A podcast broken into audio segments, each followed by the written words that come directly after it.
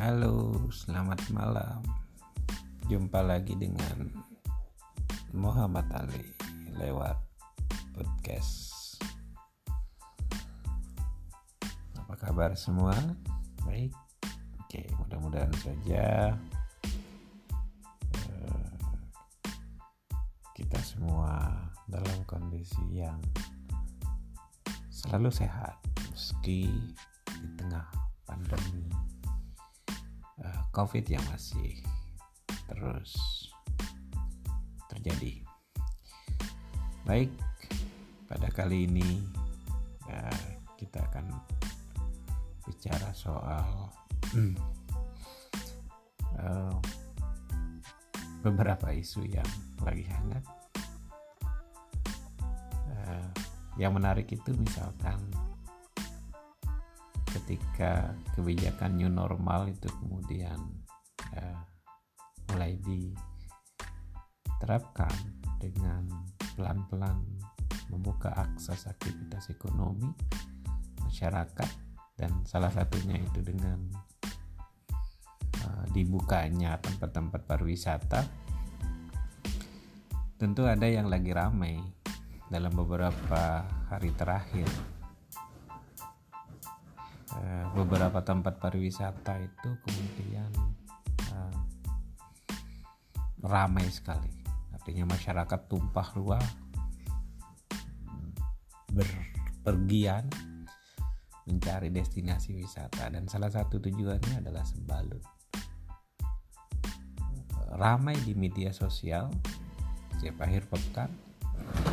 Di Sembalun itu ada antrean yang sangat panjang bahkan beberapa media online kemarin menyebutkan sekitar 9000 sepeda motor kemudian uh, antre memadati wilayah Pusuk untuk memasuki daerah destinasi wisata Sembalun.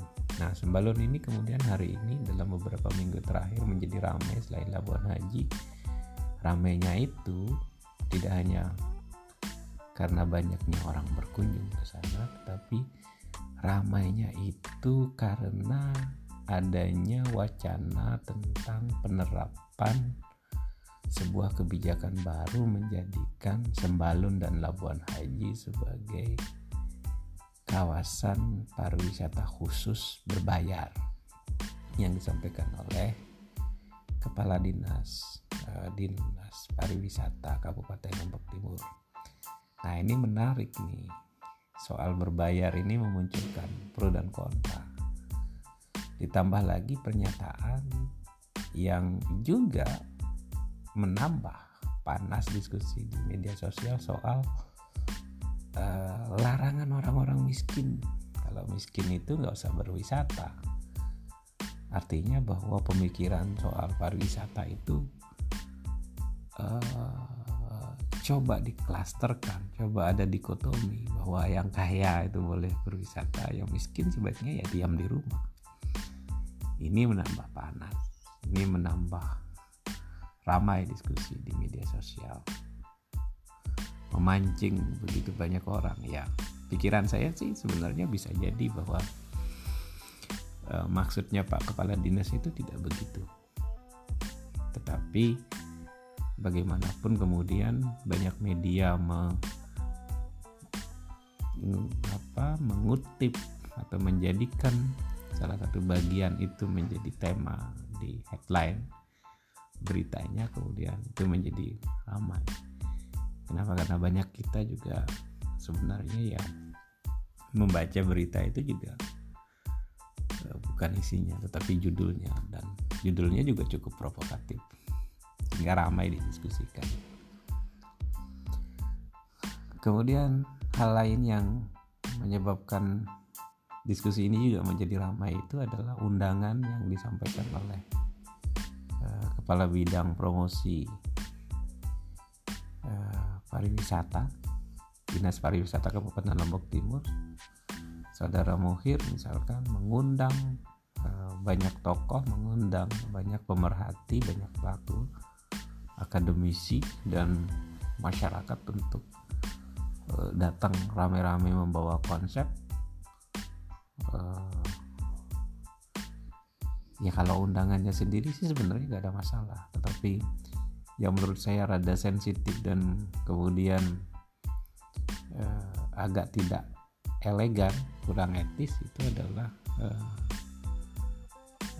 pernyataan soal kompensasi uang transport sebesar 500 juta eh salah 500 ribu. Nah eh, saya tidak tahu apa apakah kemudian memang itu ada lokasi anggarannya atau justru karena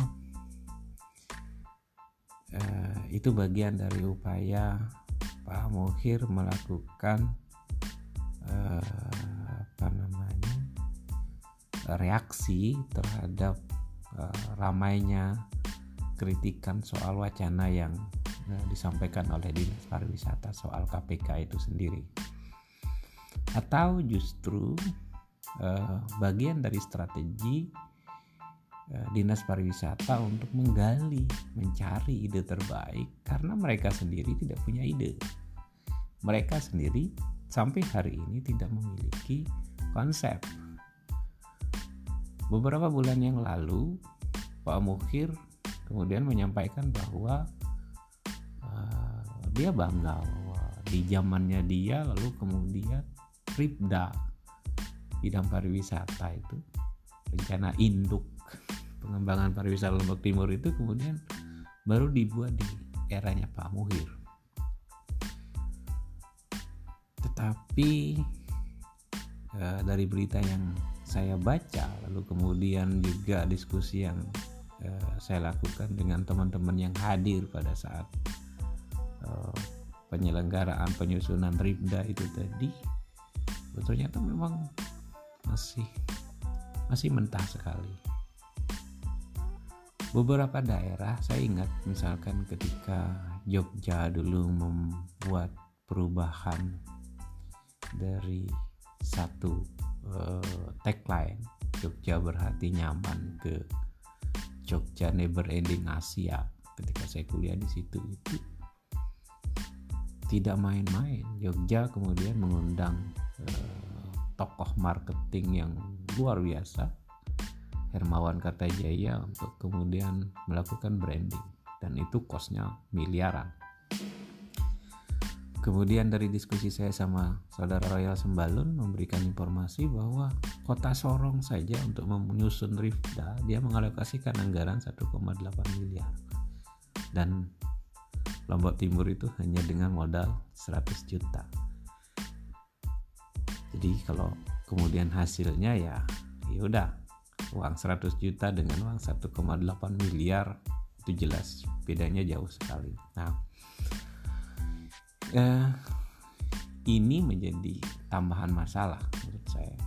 Karena sepertinya sekali lagi pemerintah sampai hari ini belum memiliki konsep yang jelas. Padahal eh, harusnya ya dibandingkan dengan kabupaten kota lain yang ada di Lombok Timur Lombok khususnya Lombok Timur itu adalah salah satu kabupaten dengan potensi yang menurut saya sangat besar. Lombok Timur memiliki jumlah desa terbanyak sekitar 240 sekian desa. Kemudian dari sisi jumlah penduduk juga eh, paling banyak. Kemudian dari sisi jumlah potensi pariwisata juga paling banyak hanya saja sampai hari ini belum bisa dikelola secara baik. Secara infrastruktur memang Lombok Timur eh, paling tidak merata paling tidak ada. Karena kebijakan pengembangan pariwisata dari sisi infrastruktur lebih banyak eh, tumpuk atau ada di wilayah-wilayah kota Mataram, Lombok Barat, Lombok Tengah dan KLU, Lombok Timur sendiri tidak banyak hotel atau tempat-tempat lainnya. Nah, ini mungkin yang jadi persoalan, tetapi tentu kalau kemudian pemerintahnya mampu mengembangkan ini, saya yakin eh, ini juga akan menjadi sebuah potensi yang luar biasa. Dubai kalau kemudian kita mau belajar eh, ketika pertama kali eh, Dubai mau dibangun di branding menjadi eh, kota seperti hari ini itu sesungguhnya berangkat dari kesadaran bahwa ketika raja memanggil para menteri lalu kemudian ditanya soal cadangan minyaknya sisa sampai berapa lama para menteri mengatakan bahwa uh, sebentar lagi akan habis. Cadangan minyak juga tinggal sedikit maka untuk mengantisipasi itu kemudian rajanya bertanya apa yang tersisa setelah minyak tidak ada? Ternyata yang tersisa itu adalah 3S sea, sand, dan sun artinya pantai ya uh, pasir dan matahari. Nah berangkat dari tiga konsep itu lalu kemudian tiga hal itu dibuat dikemas uh, demikian rupa. Ada reklamasi pantai dijual. Kemudian dijadikan sebagai destinasi wisata premium bahkan VIP sehingga kita tahu toko-toko besar, toko-toko hebat itu belum sah kehebatannya, belum sah kekayaannya kalau kemudian dia belum bisa berlibur ke Dubai. Ini jadi pembelajaran yang luar biasa.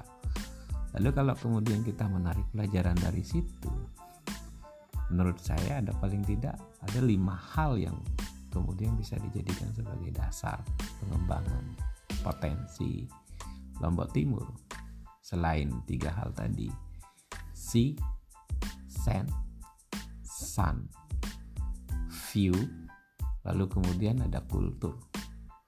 Ya, ada pasir, ada pantai, ada pasir, ada matahari, ada view, artinya ada kultur, ada nilai-nilai budaya yang kemudian tersebar dan memiliki keunikan dan ini adalah potensi yang sangat luar biasa ketika kita bisa jadikan ini sebagai modal. Nah, bagaimana tanggapan dan uh, masukan dari kawan-kawan semua, dari para pendengar semua? Tentu ini bisa menjadi bahan diskusi kita sama-sama. Bagaimana rencana pengembangannya ke depan?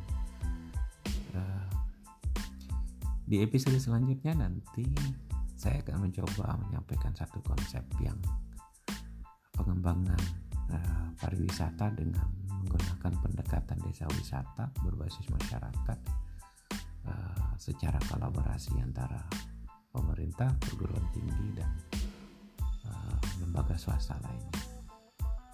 Demikian dulu diskusi kita apa tema hari ini uh, malam ini mudah-mudahan ada manfaat yang bisa menstimulasi pemikiran kita bersama dalam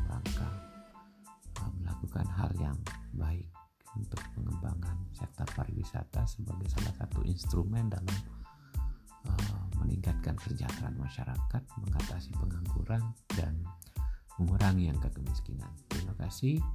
Selamat malam. Wassalamualaikum warahmatullahi wabarakatuh.